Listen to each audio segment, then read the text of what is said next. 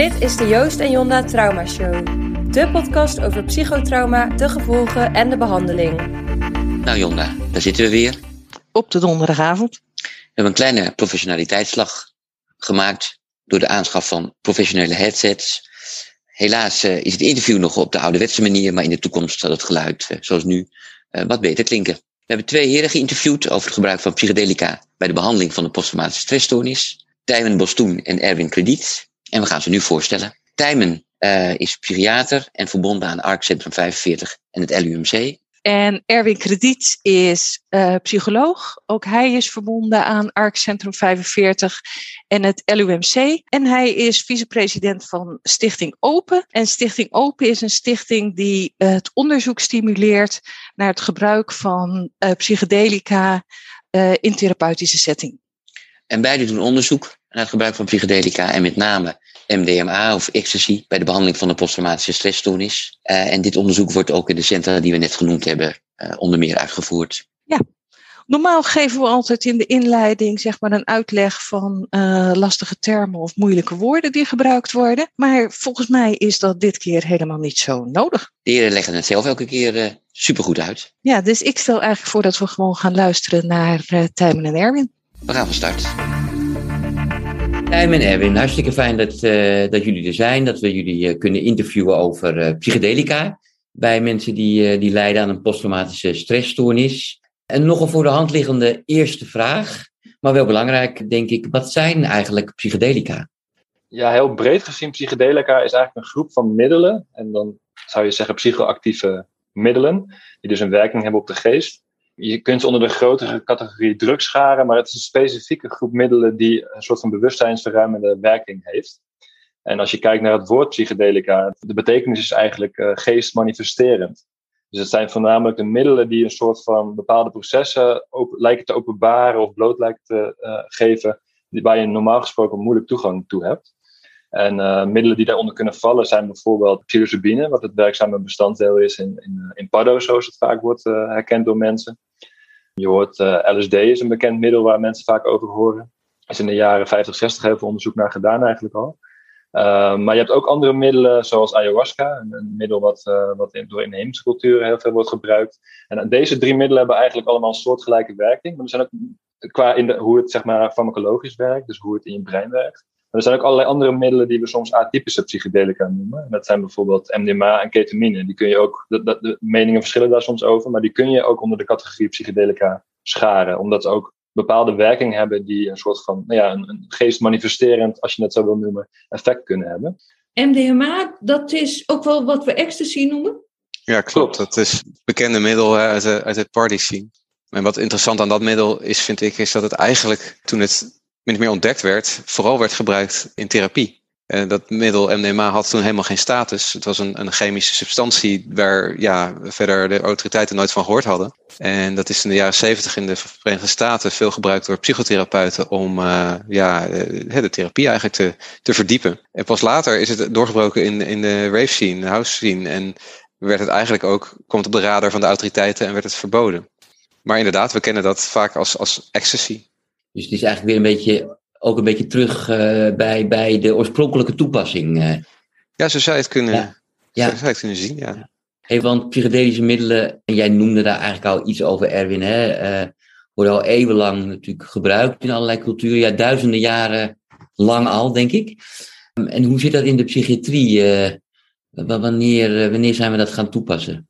Rond 1940, 1948 en in de jaren 50 en 60 werd er eigenlijk eh, echt veel onderzoek naar gedaan.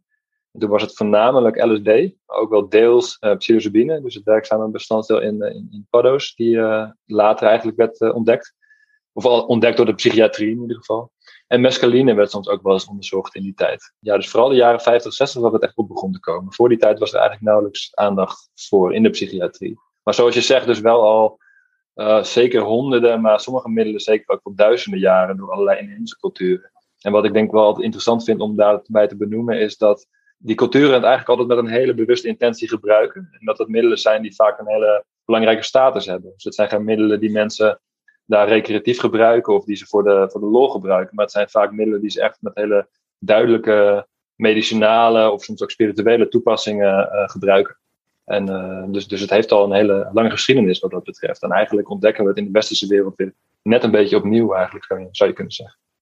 Dat, er ligt dan ook heel veel kennis, denk ik ook, hè, al duizenden jaren lang over het gebruik van die middelen. Ja, dat is zeker zo. Hè. De, het, is echt ritueel gebruik, zoals Erwin ook zegt heel erg gericht op een geestverruimende ervaring met, die ook een, een, soort functie heeft, een antwoord moet geven op een vraag of, of genezing moet brengen. En uh, eigenlijk richten wij het, ja, het is wel op een moderne westerse manier, maar ook een beetje op dezelfde manier in. Hè? Hoe, hoe wij nu met deze middelen werken, is ook heel veel oog voor set en setting. Dus ja, in wat voor omgeving gebruik je dat? Met wat voor intentie? En ook uh, ja, onder begeleiding. Hè? De, dus er zijn over het algemeen therapeuten bij en het is vaak in het kader van psychotherapie, het vult deze middelen. Ketamine wisselt dat een beetje. Maar bij de andere middelen, eh, met MDMA, psilocybine, daar wordt echt een psychotherapeutisch traject aangeboden waarin dan een aantal sessies ondersteund worden met deze middelen.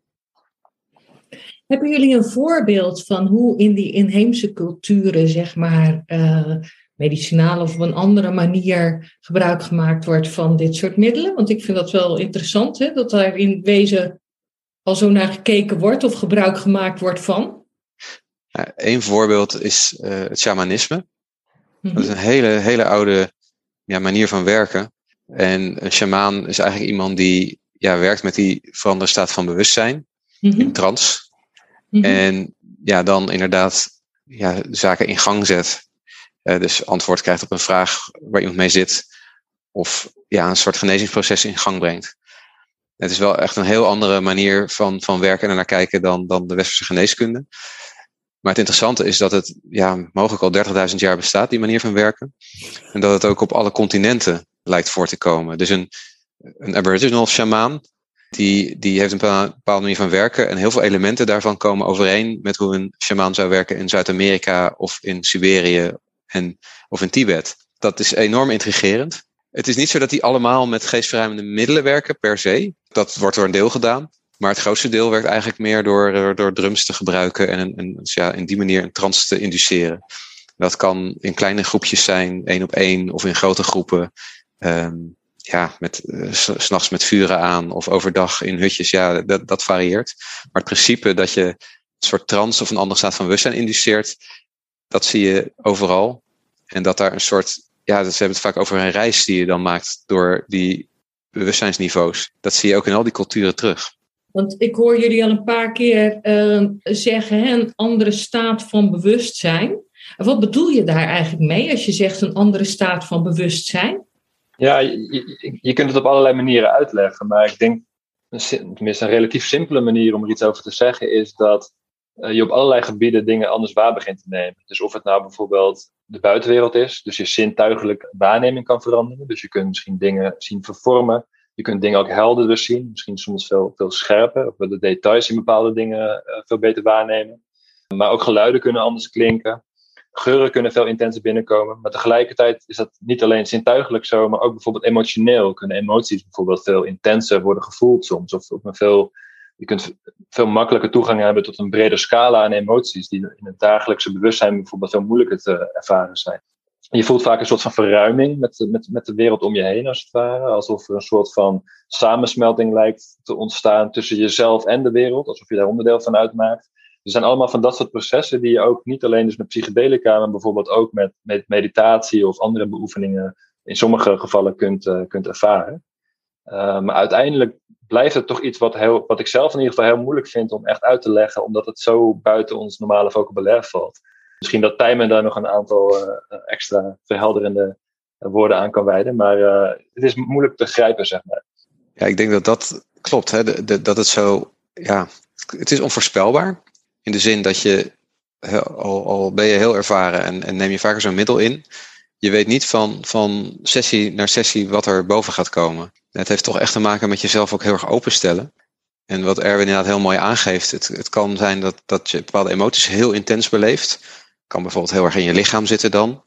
Maar het kan ook veel meer psychisch uh, uitwerken. En wat ook kan, is dat mensen juist veel meer een soort metaperspectief krijgen. En met veel meer afstand naar dingen kijken, maar opeens een enorm overzicht krijgen over wat er allemaal speelt. Het geheugen kan bijzonder uh, scherp zijn. Bepaalde details die mensen echt niet meer weten, zijn opeens haarscherp. En uh, mensen kunnen soms ook sommige gebeurtenissen die toen ze dat meemaakten zo traumatisch waren dat het heel verbrokkeld is. En, en ja, dat, dat ze de lijn niet meer weten, de, de, de, een beetje kwijt zijn hoe dat nou precies van stap tot stap verliep. Dat in één keer weer helemaal duidelijk is. Waarbij het soms ook nog zo is dat mensen daar als het ware zelf doorheen kunnen lopen. En werkelijk zich weer helemaal op die plek bevinden. En het is dan niet zo dat, dat, dat mensen daar per se helemaal uh, niet meer weten dat, wat er aan de hand is. Hè? Dus dat ze bijvoorbeeld niet zouden weten dat ze in een psychedelische staat zijn door een middel. Vaak weten mensen dat ergens nog wel. En toch beleven ze iets weer helemaal op een manier waarbij ze ja, soms toch ook tot, tot nieuwe inzichten kunnen komen, gevoelens kunnen verwerken. Maar ja, op het moment dat je een middel inneemt, dan gaat de reis beginnen. En waar die heen gaat, dat weet je dus niet. En ja, dat, dat is ook een beetje een nieuwe manier van werken voor uh, veel van onze therapeuten. We zijn steeds meer volgens protocollen gaan werken. En dat is uh, ook niet verkeerd. Hè? Dat, dat is, geeft ook duidelijkheid en houvast. En kan ook heel gefocust werken geven. Maar ja, dat, dat is met dit werk toch vaak anders. En de, de meeste, hoe, wij het nu van MAPS geleerd krijgen, is echt dat je het proces volgt. Dus als therapeut ben je ook in dienst van het proces van degene die het ondergaat. En moet je ook vooral niet als therapeut in de weg willen lopen. dus er zijn echt momenten dat je als therapeut wel aanwezig bent en ook echt interventies doet en met iemand aan het werk gaat. Maar heel vaak laat je het ook gewoon gebeuren en, en kan iemand in die staat zelf al enorm veel doorwerken. Waar je normaal heel hard van sessie naar sessie aan het werk bent, eh, zeg maar, met je cliënt, kun je eigenlijk, als, het, als iemand goed in het proces komt, kun je ook heel erg veel aan de, aan de persoon zelf overlaten. En dat, dat is ook zo interessant, dat uh, ja, een bepaalde ja, intuïtieve wijsheid enorm naar boven komt. Als ik daarop aan zou mogen sluiten, Tijn, en wat ik denk zelf een interessante term vind, is uh, holotropisch. Wat dat betekent is zeg maar dat je naar heelheid toe beweegt. En er was een psychiater, of, of hij leeft nog steeds, maar die heeft heel veel met uh, LSD gewerkt in de jaren 50 en 60. Een Tsjechische psychiater, uh, naam is Stanislav Grof. En die heeft op een gegeven moment die term als het ware geïntroduceerd. Dus holotropisch. En dat holotropisch, voor mij is dat een hele kloppende term, omdat het op heel veel gebieden lijkt je met psychedelica in zo'n staat lijkt je als het ware verbinding te maken met allerlei dingen waar je de verbinding niet meer mee had. Dus of dat nou bijvoorbeeld bepaalde emoties zijn die onderdrukt zijn misschien, of bepaalde herinneringen die heel, je heel moeilijk bij kan. Maar ook in sociale context, dat je opeens weer heel erg de verbondenheid voelt met je familie, of je partner, of met je ouders, of met je kinderen. En dat op een heel diep niveau kan voelen, maar ook vaak met de natuur. Dus als je het breder trekt, zie je dat mensen heel erg verbinding voelen met, met de natuur. En daar vaak ook naar gaan handelen na zo'n sessie. Dus meer bewust zijn van wat een impact is op de natuur. En soms nog groter gezegd zou je kunnen zeggen van de verbinding met de kosmos als het ware. Of het soort van het mysterie van het bestaan, of hoe je het ook wil noemen. Dus dat mensen een soort van verbondenheid voelen met iets groters. Wat ze normaal gesproken uh, niet zo ervaren. Dus op al die gebieden zou je kunnen zeggen dat zo'n middel als het ware lijkt, je lijkt te kunnen helpen in de juiste context en setting. Om weer meer die verbinding aan te gaan op al dat soort gebieden. Ja, ik vind dan ook de, de doors of perception hè, die zich openen. Dat is een mooie metafoor, hè, hoe dat is uh, beschreven uh, door Aldous Huxley. Dat het net lijkt alsof de obstakels die je normaal gesproken hebt wegvallen, waardoor je dingen helder ziet. En wat zie je dan? Ja, iets wat toch al ergens in je bewustzijn zit. Het is niet dat je een soort kunstmatig psychotische beleving hebt, maar juist eh, ja, een soort nieuwe werkelijkheid ontdekt die soms ook aanvoelt alsof je het weer opnieuw herinnert. Dat zijn, zijn hele aparte ervaringen. En we hadden het net ook over, over hè, dat de grotere noemer waar deze middelen onder kunnen vallen, drugs kunnen zijn, hè, uh, middelen die dan misbruikt worden. Ja, ik, ik denk, het hangt wel af van de context waarin het gebruikt. Je kan deze middelen gebruiken om ja, muziek daar meer in op te gaan en, en, en echt een goed feestje te bouwen, zeg maar. Maar je kan het ook gebruiken juist om in jezelf te gaan en, en daar uh, ja, nieuwe dingen te, te, te ontdekken, zeg maar. Ja, dus, dus dat is eigenlijk wat jij al zegt. Uh, set en setting zijn zeg maar leidend voor waar het gebruik toe leidt. Ja, ik denk dat dat, het, ja, dat is tenminste de ervaring. Hè. dat is een van de grootste factoren die bepaalt wat voor soort beleving het wordt. Hey, jullie zijn uh, ook onderzoeker, hè? Of jullie zijn een ruim deel van de tijd bezig met wetenschappelijk onderzoek. Welke psychedelica worden op dit moment onderzocht voor uh, de posttraumatische stressstoornis? Voor PTSS met name MDMA. Okay. De posttraumatische stressstoornis, daar, daar wordt op dit moment een heel groot onderzoek uitgevoerd in de Verenigde Staten, Canada en Israël om dat middel te registreren als geneesmiddel. Want zo werkt dat. Hè? Als er dan een nieuwe stof is die farmacologisch werkzaam is, dus een geneeskundige werking zou kunnen hebben, dan moet dat uh, uitgebreid onderzocht worden. En zo'n middel moet dan geregistreerd worden bij de autoriteiten. Nou, dat zijn enorm ingewikkelde grote studies. Daar wordt allerlei informatie verzameld. En, en patiënten, uh, hè, grote groepen patiënten moeten dat innemen. Nou, MDMA is qua registratiestudies op de helft in Amerika. En de andere helft wordt op dit moment uitgevoerd. En die eerste helft heeft goede resultaten opgeleverd. En dat is een hele mooie publicatie geworden in, uh, in Nature Medicine, een toonaangevend blad. Ja, als die tweede helft van die studie ook zo loopt, dan is de kans heel groot dat inderdaad de autoriteiten MDMA gaan registreren als geneesmiddel voor posttraumatische stressstoornis. Maar dan wel in die context van psychotherapie. Dus dat is echt anders dan een antidepressivum, wat je bijvoorbeeld elke dag moet innemen en dan nou ja, de depressie vermindert. En als je het stopt, ja, dan is het hopen dat de depressie ondertussen weg is. Of het komt weer terug en dan moet je weer doorslikken. Dit is echt bedoeld als een middel wat je twee, drie keer inneemt in een therapeutisch traject. En ja, hopelijk zijn dan de klachten verminderd. En MDMA is eigenlijk wat dat betreft ook een van de verste in de ontwikkeling. Alleen ketamine nu is geregistreerd voor therapieresistente depressie. Nou, dat, dat is dan wat minder met die psychotherapeutische context. Nou, er wordt ook wel eens voorzichtig aan gedacht om ketamine voor PTSS in te zetten. Maar daar is nog niet zoveel onderzoek naar gedaan. Hetzelfde geldt voor psilocybine. Dat wordt nu onderzocht, ook in combinatie met psychotherapie, voornamelijk voor depressie. En er zijn ook ideeën om, om dat ook te gaan onderzoeken met, met PTSS, maar daar, daar is nog weinig werk in gedaan.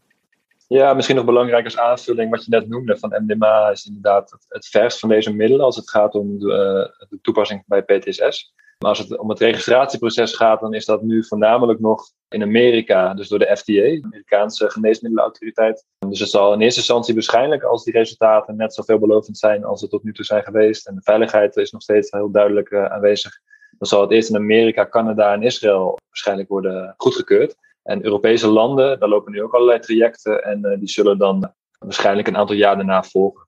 Dus MDMA is, is een heel veel, veelbelovende behandeling, hè? dat is wat jullie zeggen. Maar het is, vindt op een andere manier plaats dan we gewend zijn aan, uh, met uh, psychiatrische middelen. Hè? Dus het is echt ondersteunend aan de psychotherapie. En op dit moment kunnen we ook cliënten daarvoor nog niet, of daarmee nog niet behandelen. Hè? Het is echt alleen nog in onderzoekssettings. ja. Klopt. Ja, er zijn natuurlijk heel veel mensen op zoek naar um, behandeling en, en dit is veelbelovend. Dus uh, ja, we krijgen er ook veel vragen over. Ja, want inderdaad, wat, wat Erwin net zei, dit, dit onderzoek moet in Europa ook, ook uitgevoerd worden. Nou, daar zijn wij uh, op dit moment wel mee bezig. En uiteindelijk gaan we ook die registratiestudie doen, hè, zoals nu die hele grote studie in Amerika is. Dus het voorwerk daarvoor doen wij. Dat betekent dat we een kleine hoeveelheid patiënten kunnen behandelen met, met deze therapievorm. Maar dat is dus niet een reguliere behandeling, nee. Daar, daar willen we wel naartoe, maar uh, zover is het nog niet. Wat is er anders aan zo'n therapie dan aan zeg maar een gewone therapie? Ja, er zijn inderdaad wat, wat dingen die, die echt verschillen. En dat is dat de MDMA-sessie zelf, die duurt acht uur. Dus dat is een therapiesessie van acht uur. Nou, dat, dat zien, we, dat zien we weinig. Hè? En de therapie die wordt gegeven door twee therapeuten, meestal een man-vrouw koppel. En dan één deelnemer in de studie of één patiënt met posttraumatische stressstoornis in de toekomst. Dat hele traject eigenlijk, dat is uh, drie voorbereidende sessies. En die zijn anderhalf uur met de twee therapeuten. Dan een hele dag eigenlijk, hè, acht uur, een uh, MDMA-sessie. Die heel intens is. Hè, waarbij in de ochtend uh, je bij elkaar komt, middel wordt ingenomen. Uh, dan eigenlijk um, is het meer rustig, uh, ja, zeg maar, de effecten laten opkomen. Dat, dat duurt eventjes, een half uur, drie kwartier, zeg maar, dan, dan begint het echt. En ja, dan begint dat geestverruimende effect. En ja, dan is het dus ook echt voor de, ja, de, degene die het heeft ingenomen en de therapeut toch een beetje afwachten welke kant het op gaat. En wat je dan doet eigenlijk is vooral ja, die effecten faciliteren. Dus we zetten muziek op die helpt bij ja, het zeg maar uitlokken of, of op, op laten komen van, van emoties. Mensen liggen over het algemeen. Het kan soms zijn dat je het wat koud krijgt of juist warm. Dus dan uh, nou, krijg je een dekentje. Het is echt een heel ander, ander tempo van werken ook. Omdat je acht uur hebt, duik je ook niet meteen op alles wat er komt. Je laat dingen echt ontwikkelen. Maar wat er vaak wel gebeurt, is dat het, dat het heel intens wordt. Dat zei Erwin net ook al. De, de intensiteit waarmee je voelt, is veel groter dan je normaal gesproken hebt. Aan de andere kant is de window of tolerance, hè, dus eigenlijk de, uh, de mate waarin je moeilijke gevoelens kan verdragen, is vaak ook groter. Ja, die combinatie maakt dat je heel erg veel verwerking kan krijgen. En dat gaat vaak in golven. Mm-hmm. Dus het is voor de therapeut een beetje, een beetje kijken van ja, op een gegeven moment gaan mensen heel diep in zichzelf vaak voelen en, en, en dingen ervaren. En op een gegeven moment komen ze daar weer wat uit. Nou, sommige mensen willen een honderd uitvertellen wat ze allemaal hebben ervaren en meegemaakt. Dat mag ook wel, maar het moet niet alleen maar uh, gepraat worden. Hè. Op een gegeven moment is er weer een moment dat je terug naar, naar binnen gaat. Het kan ook zijn dat mensen inderdaad heel veel hebben doorvoeld, maar misschien ook wel heel verbaasd over zijn. Of, of ook op een bepaald stuk niet verder komen. Of ja, een beetje overdonderd zijn. Nou, dan help je ze om daar weer een soort weg in te vinden. En ja, dat, dat, dat eindigt dan zo'n beetje rond een uur, vier, vijf uh, in de middag. En dan gaan mensen, ja, die, die blijven dan overnachten. De volgende ochtend is dan het eerste integratiegesprek. En dan zijn het is weer dezelfde setting, hè, dus of niet dezelfde setting, maar dezelfde twee therapeuten met ja, degene die de reis heeft gemaakt, zou je kunnen zeggen. Zo zou je het meer in de shamanistische termen noemen, maar bij ons heet het dan gewoon ja, de patiënt die de therapie heeft ondergaan. Maar vaak hebben die, ja, het doet wel eens aan als reisverslagen. Die hebben heel veel meegemaakt. En vaak gaat het ook nog door in de avond, soms in de nacht. En wat is dan zo'n integratiegesprek? Nou, het gaat erom dat mensen de, de beleving die ze hebben gehad een plek gaan geven. Persoonlijk denk ik dat, en je hoort ook wel eens mensen die, die deze middelen innemen, die bijvoorbeeld PTSS hebben en dan op zich een, een leuke avond hebben. Maar vaak beklijft het dan niet. En, en zie je dat de klachten toenemen in de dagen daarna. En hier gebeurt iets heel anders. Mensen gaan juist heel erg aan zijn slag met zichzelf. Die gaan heel veel meemaken. Die zien bijvoorbeeld opeens in uh, nou ja, wat, wat ze raakt aan iets, wat ze blokkeert. Bepaalde gevoelens van rouw kunnen opkomen en kunnen doorgewerkt worden. Maar dat moet wel een plek allemaal gaan krijgen. En ik denk als dat niet gebeurt, dan denk ik ook dat, dat veel van de effecten niet zullen, zullen beklijven. Ja, daar, daar moet je het echt over hebben. En je ziet vaak dat mensen ook na zo'n sessie de handen vol hebben aan zichzelf. Kan ik dat een beetje vergelijken met dat je wel een hele hoop foto's kan maken op vakantie, maar dat als je ze niet uh, inplakt of verzamelt, dat je ze dan makkelijk kwijtraakt en niet meer terugkijkt? Ja, daar zou je het mee kunnen vergelijken. Dus het is echt belangrijk om af en toe die foto's er weer bij te pakken en echt stil te staan.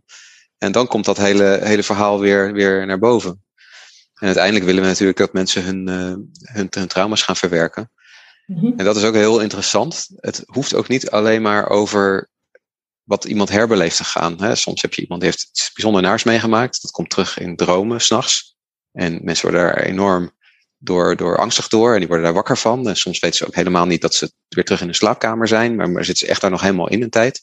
En ja, bij sommige mensen is het heel duidelijk waar dat vandaan komt. Dat is bijvoorbeeld een veteraan die op uitzending is geweest. Of iemand heeft uh, op seksueel gebied iets heel naars meegemaakt. Maar het gebeurt wel eens in die MDMA-sessies dat het over iets heel anders gaat. En dat bijvoorbeeld in de jeugd blijkt dat ja, uh, er heel weinig aandacht was voor iemand. En iemand eigenlijk heel erg klem heeft gezeten en zich nooit gehoord heeft gevoeld. Dan volgen we dat. Hè? We, we sturen er niet per se op dat het allemaal over het bepaalde trauma moet gaan. Maar als dat is wat er opkomt in die sessie, dan volgen we dat, gaan we daarmee werken. En vaak legt dat ook een basis voor de verdere verwerking. En wat ik net ook zei, is dat ja, veel van die middelen ook een bijzonder scherp en levendig geheugen uh, kunnen, uh, kunnen geven tijdelijk. Waardoor er bepaalde details uit, uit vroege jeugd omhoog, omhoog kunnen komen, die er wel geweest zijn, maar die mensen eigenlijk helemaal niet goed meer wisten, die heel diep weggestopt zijn. Ja, misschien daaraan gerelateerd, Tijmen, is het ook interessant. Wat interessant is aan MDMA ook, is dat het geheugen na die ervaring vaak ook heel goed is voor wat er tijdens die ervaring uh, gebeurd is.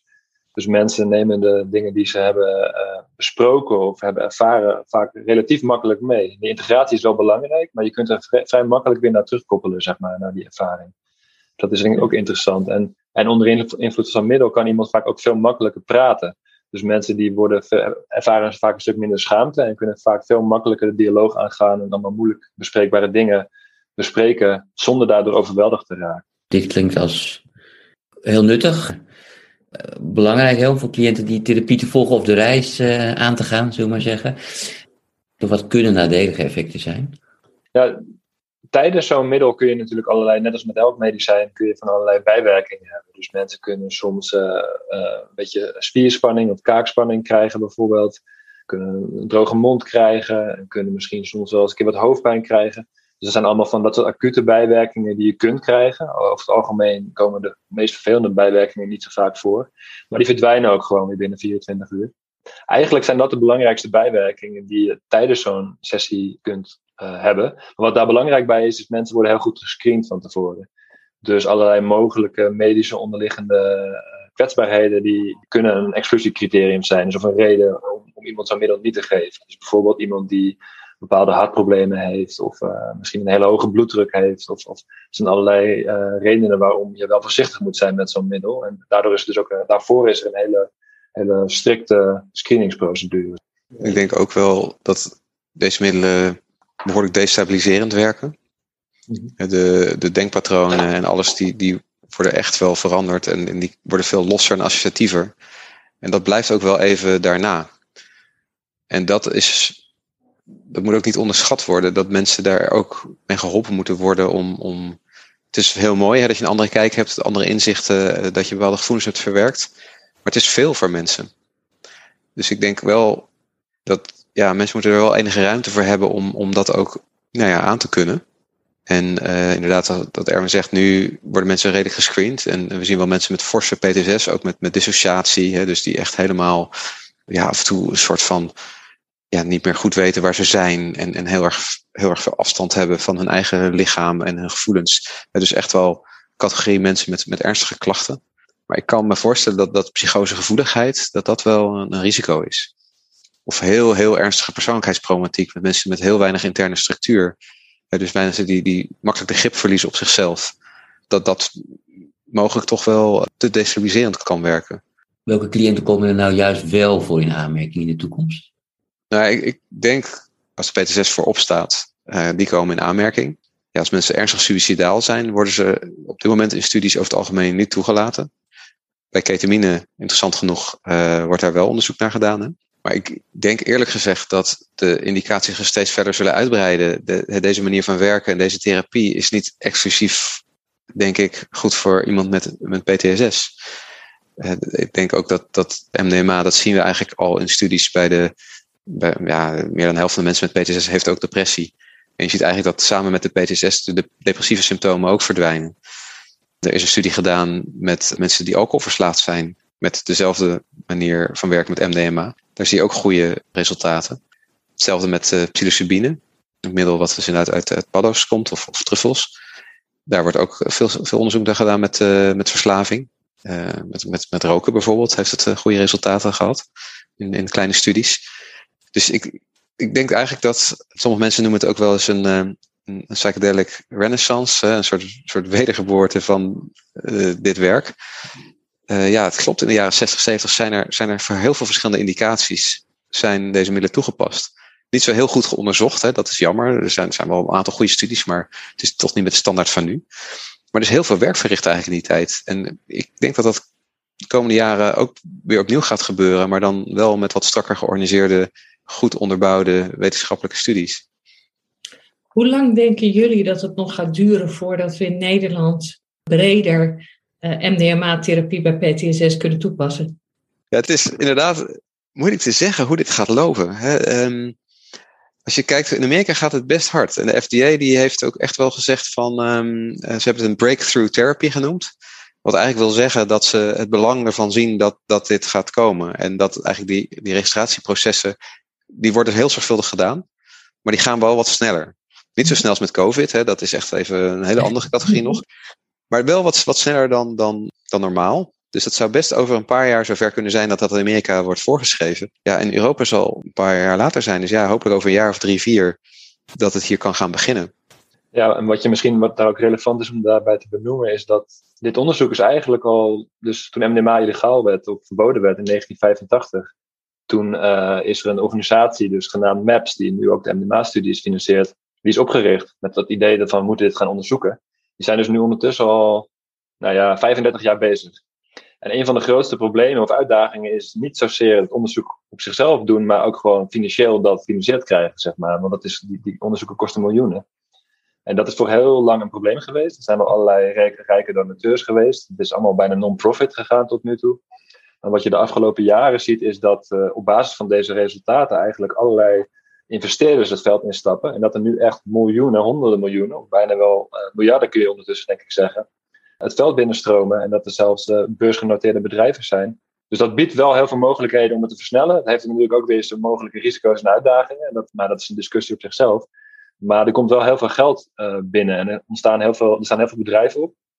Dus ik denk dat we de, de, de, de verschillende toepassingen, dat het echt in een, in een stroomversnelling gaat raken de komende jaren. Hoe dat allemaal onderzocht wordt, waarvoor het onderzocht wordt.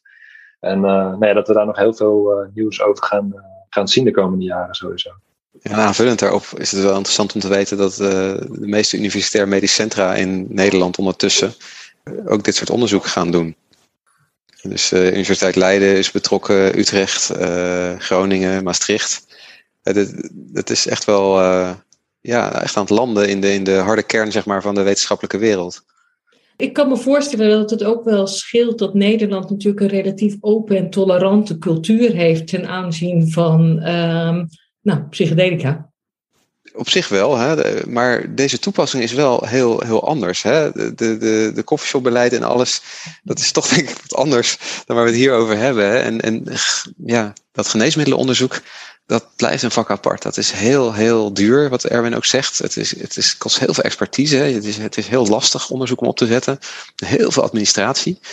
En dat heb je niet zomaar op poten. Ik, ik ben wel blij en eigenlijk blij verrast moet ik zeggen, hoe snel het nu toch lijkt te gaan. En uh, toen we een jaar of vijf, zes op dit spoor kwamen, was het echt nog een beetje een, een vreemde hobby of zo van ons. En, en mensen vonden het altijd wel interessant en zo, maar het was toch wel ja, erg vreemd. En nu ja, we, we geven wel eens presentaties op congressen en zo. En mensen horen er graag over en uh, die, die weten er vaak ook al wat van en zo. Dus dat is echt in die, in die vijf jaar is er, is er een soort omslag gaande. En dat zal vermoedelijk alleen maar toenemen. Want we, we gaan een beetje naar het einde van, de, van deze podcast toe. Wat trekt jullie nou zelf in dit onderwerp, in dit onderzoek aan, Erwin? Nou, sowieso denk ik dat het ja, uit de onderzoeken die er tot nu toe zijn, dat je gewoon ziet dat er allerlei patiënten toch met wel heel veel behandelingen in de voorgeschiedenis bij psychedelica in sommige gevallen heel veel baat lijken te kunnen hebben. Dus dat het gewoon echt een nieuw, nieuwe behandelmethode aan, uh, een breed scala van behandelingen die er natuurlijk al is. Want het gaat natuurlijk absoluut niet andere behandelingen vervangen of zo. Maar het is denk ik wel heel nuttig en belangrijk om gewoon nieuwe gereedschappen te hebben, als het ware, in onze, in onze gereedschappenkist, om het zo maar te zeggen. Uh, waarmee we mensen kunnen helpen die met de huidige behandelingen niet tot nauwelijks geholpen worden. Of die misschien door dit soort sessies of trajecten uh, gewoon even een extra verdieping of, een, setje kunnen krijgen, als het ware, waardoor ze in de normale, reguliere therapie weer verder kunnen gaan. En, en op die manier denk ik dat, nou ja, zoals het er nu uitziet, ik ben, blijf een wetenschapper, ik moet het uiteindelijk zien op basis van de data, maar zoals het er nu uitziet, uh, is dat toch wel heel veelbelovend. En denk ik dat het, het gaat nog even duren, maar dat we er uiteindelijk toch mogelijk wel heel veel mensen mee kunnen gaan helpen die, die nu niet optimaal geholpen kunnen worden. En Tijmen, wat trekt jou er zo aan om hier eh, mee bezig te zijn? Als, als klinicus zie ik sommige mensen zo ploeteren met hun, uh, hun, hun, psychiatrische klachten en zoveel angst en spanning. En soms zit er jaren werk in en komen mensen er toch niet, hoewel ze er keihard voor, voor werken. En dan is het toch wel heel fijn dat er een middel is wat eigenlijk zo'n therapeutisch proces echt kan verdiepen en versnellen. En daar ben ik wel heel blij mee. Want eh, PTSS is geen makkelijke uh, aandoening om te verhelpen. Voor de helft van de mensen die kunnen we goed helpen. Maar de andere helft die blijft nog langdurig met vreselijke klachten zitten. Dus dat, dat vind ik, ja, dat vind ik heel belangrijk. Dat we nu echt iets nieuws hebben. Het is niet de zoveelste variant op een soort exposure therapie, maar dit is wel echt een, een andere manier van werken. Dus ik denk dat een groep mensen die eerder niet is opgeknapt nieuwe kansen zal kunnen krijgen. Tenminste, dat hoop ik. En ja, persoonlijk vind ik het ook wel heel interessant. Ik, ik mediteer zelf al, al jaren. En um, de geestverruimde staat, hè, die, die zoek ik dan eigenlijk op in mijn meditatie. En daar kan ik uh, heel veel in beleven. Het is wel intrigerend dat er dus een middel is wat je inneemt en dat het hetzelfde doet. Hè, waar meditatie jaren kost en een veel geleidelijker proces is. Ja, is dit wel iets waar je ja, heel snel ook onvoorbereid in wezen. Hè? Dus, dus zonder jaren voorbereiding en, en, en uh, gewend zijn om te gaan zitten en naar binnen te gaan. Heel intense belevingen kan krijgen die, die, die helpen. Ik zeg niet dat het een vervanging is hoor, want ik denk wel dat, waar we het net over hadden, dat de integratie van deze uh, intense ervaringen is heel belangrijk. Anders vervliegt het als het ware weer. En uh, in die zin is meditatie echt heel anders. Als je dat, dat jaren doet, dan, dan bouw je dat ook op en dat, dat integreer je dan vanzelf.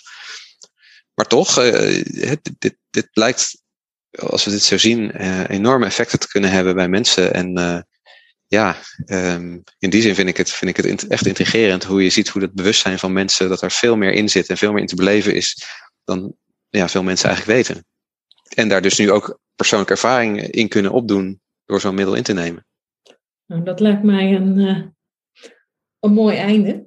Heren, mogen we jullie heel hartelijk uh, bedanken voor, uh, voor dit leuke gesprek. Ja, heel graag gedaan. Je luisterde naar de Joost en Jonna Trauma Show in samenwerking met Traumacentrum Nederland.